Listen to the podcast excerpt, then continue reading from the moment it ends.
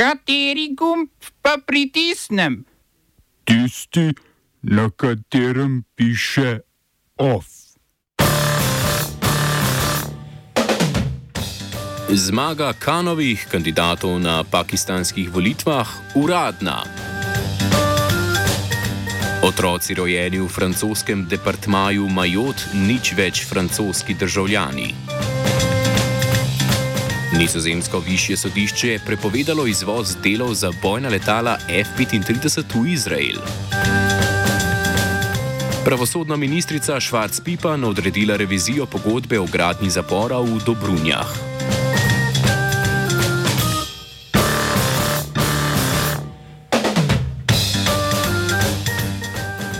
Po pakistanskih mestih so se zbrali protestniki, ki opozarjajo na volilne goljufije na parlamentarnih volitvah. Policija je protestnike, ki, je ki jih je organiziralo več strank na čelu s pakistanskim gibanjem za pravico, razgnala s souzivcem. Gibanje na volitvah ni smelo uporabljati strankarskega simbola, njegovi kandidati pa so morali kandidirati na neodvisnih listah. Kljub temu je stranka nekdanjega premijeja Imrana Kana, ki so ga oblasti lani zaprle in mu prepovedale kandidaturo, osvojila največ parlamentarnih sedežev. Po končnih rezultatih so Kanovi kandidati osvojili 95 od 266 sedežev v državnem parlamentu, o katerih so glasovali na splošnih volitvah. Stranka Pakistanska muslimanska liga pod vodstvom Navaza Šarifa je prejela 75 poslanskih mest.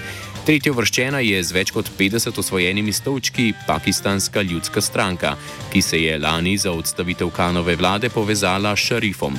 Volilna komisija je rezultate objavila z dvodnevno zamudo, kar je utemeljila s težavami pri posredovanju glasov.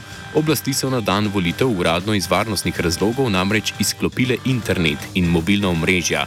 Tako Kan, ki je v zaporu kot šarif, sta še pred objavo uradnih izidov razglasila svojo zmago. Več o pakistanskih volitvah pa v offsajdu ob petih.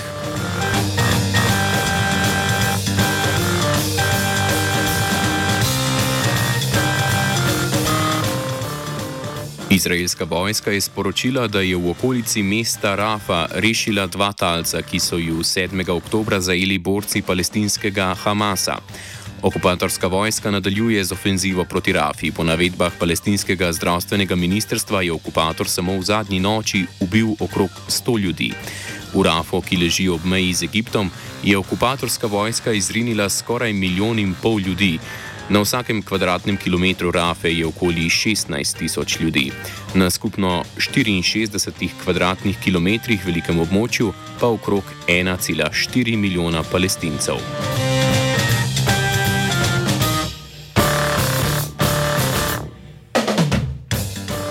Jemenski Ansar Allah, bolj znan kot Hutiji, so izvedli nov napad v Rdečem morju, v katerem so zadeli tovorno ladjo Star Iris. Jemenski gverilci trdijo, da je ladja sicer v grški lasti ameriška. Ladja, ki prevaža razsuti tovor, je sicer namenjena v Iran. Poškodovali so desni bok ladje, a je ladja pot nadaljevala. Ansar Allah nadaljujejo napade na ladje v Rdečem morju povezane z Izraelom, Združenimi državami Amerike in Združenim kraljestvom, kar bodo gverilci počeli, dokler Izrael ne ustavi genocida v Gazi. Ameriška vojska je konec tedna v sklopu svojega varovanja svobodne plovbe uničila dve hutijski plovili in več raketnih sistemov.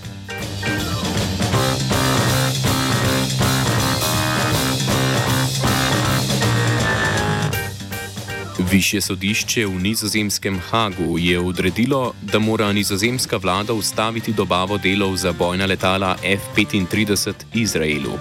Izrael letala tega tipa uporablja za izvajanje genocida na območju Gaze. Odločba sledi pritožbi humanitarnih organizacij z opor odločitev nižjega sodišča, ki je zavrnilo njihov poziv k prenehanju dobave orožarskih delov v Izrael, k čemu so pozvali zaradi izraelskih kršitev mednarodnega prava. Nižje sodišče je decembra lani poziv zavrnilo, čež da mora imeti vlada svobodo pri odločanju o političnih vprašanjih glede izvoza orožja. Više sodišče je po pritožbi razsodilo, da so bili dobavljeni deli najverjetneje uporabljeni v napadih, v katerih je Izrael ubil civiliste. Zato mora vlada izvoz delov bojnih letal prekiniti v prihodnjih sedmih dneh.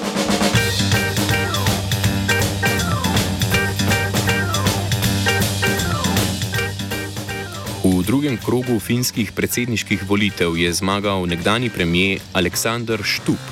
Kandidata zelenih Peko Havista je premagal z 51,6 odstotka glasov. Po več kot desetletju dosedani predsednik Sauli Niniste zapušča predsedniško funkcijo. V dveh mandatih je znal diplomatsko manevrirati med NATO in Rusijo, da je Finska lahko formalno ohranila neutralnost. Po urnem finskem vstopu v ameriško imperialistično zavezništvo bo zdaj Štubova naloga voditi prapor vazalske vojske.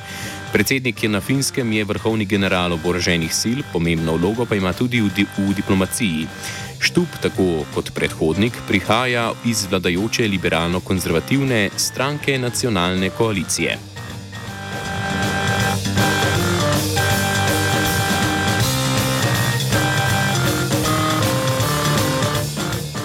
Francoski notranji minister Gerald Darmanin je sporočil, da otroci, rojeni na Majotu, francoskem, francoskem departmaju v bližini Madagaskarja, ne bodo več upravičeni do francoskega državljanstva. V skladu z napovedano spremembo ustave bodo do francoskega državljanstva upravičeni le otroci, rojeni staršem s francoskim državljanstvom. Trenutna zakonodaja določa, da lahko otrok, ki je rojen tujima staršema v Franciji oziroma na območjih pod njenim nadzorom, v času najstništva dobi francosko državljanstvo. Francoska vlada je leta 2018 zaostrila dostop do državljanstva za prebivalce Majota in uvedla pogoj, pod katerim lahko otrok dobi državljanstvo v primeru, da eden od staršev zakonito biva na francoskem ozemlju vsaj tri mesece pred otrokovim rojstvom. Francija je sicer na ozemlju Majota aprila lani sprožila vojaško-policijsko operacijo za izgon migrantov z otočja. Njen cilj je evikcija in deportacija vseh migrantov brez legalnega statusa, ki živijo v barakarskih naseljih. Deportirali so jih na sosednje komore, a jih tamkajšnje oblasti nočejo sprejeti.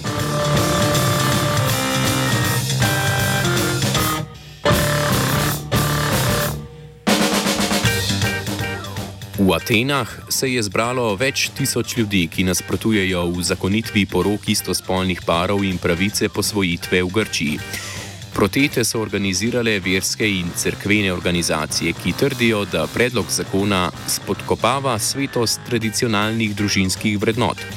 Zakonu, ki ga je predlagal premijer Kirijakos Mitsotakis, je sicer, sicer nasprotuje tudi več, več poslancev njegove konzervativne stranke Nova demokracija. Tudi podporo zakonu, o katerem bodo v parlamentu odločali v četrtek, sta napovedali opozicijski stranki Siriza in Pasok.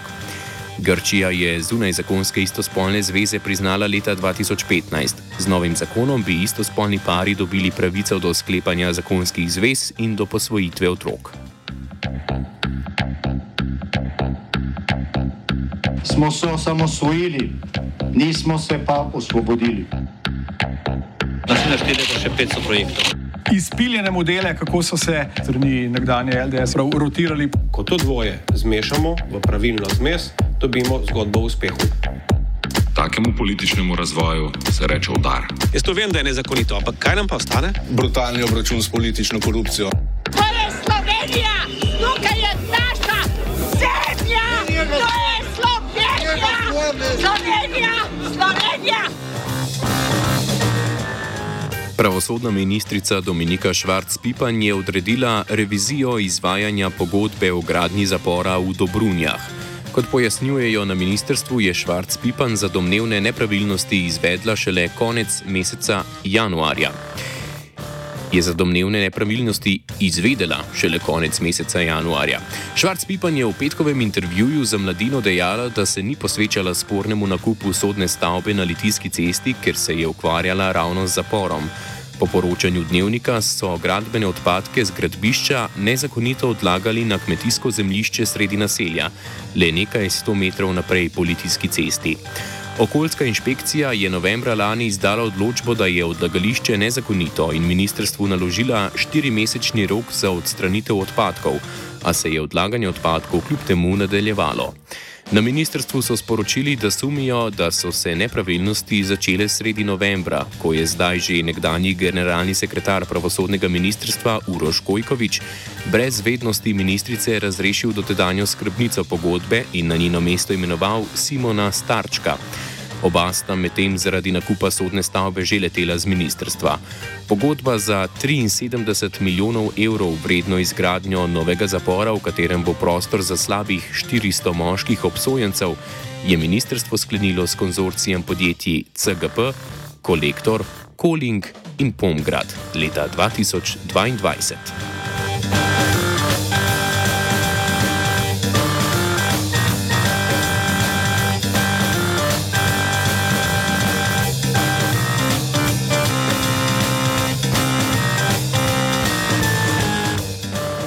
Skupina Za Savo, ki združuje okoljske organizacije, je sporočila, da investitor holding slovenske elektrarne, krajše HSE, vrši pritiske na pripravljavce okoljskega poročila.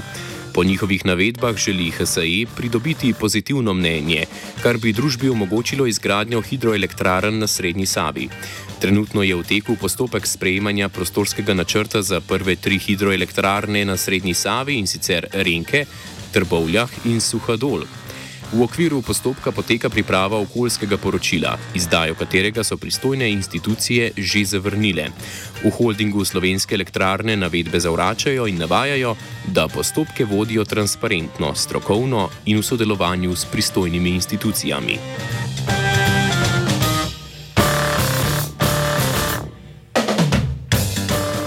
Neznanci so napadli prostore kluba slovenskih študentov na Dunaju.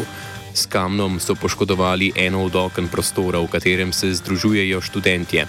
To sicer ni prvi napad na prostore kluba. V klubu študentov so zapisali, da napad ocenjujejo kot napad na njihove politične in manjšinske strukture, ter da bodo nadaljevali svojim antifašističnim delom.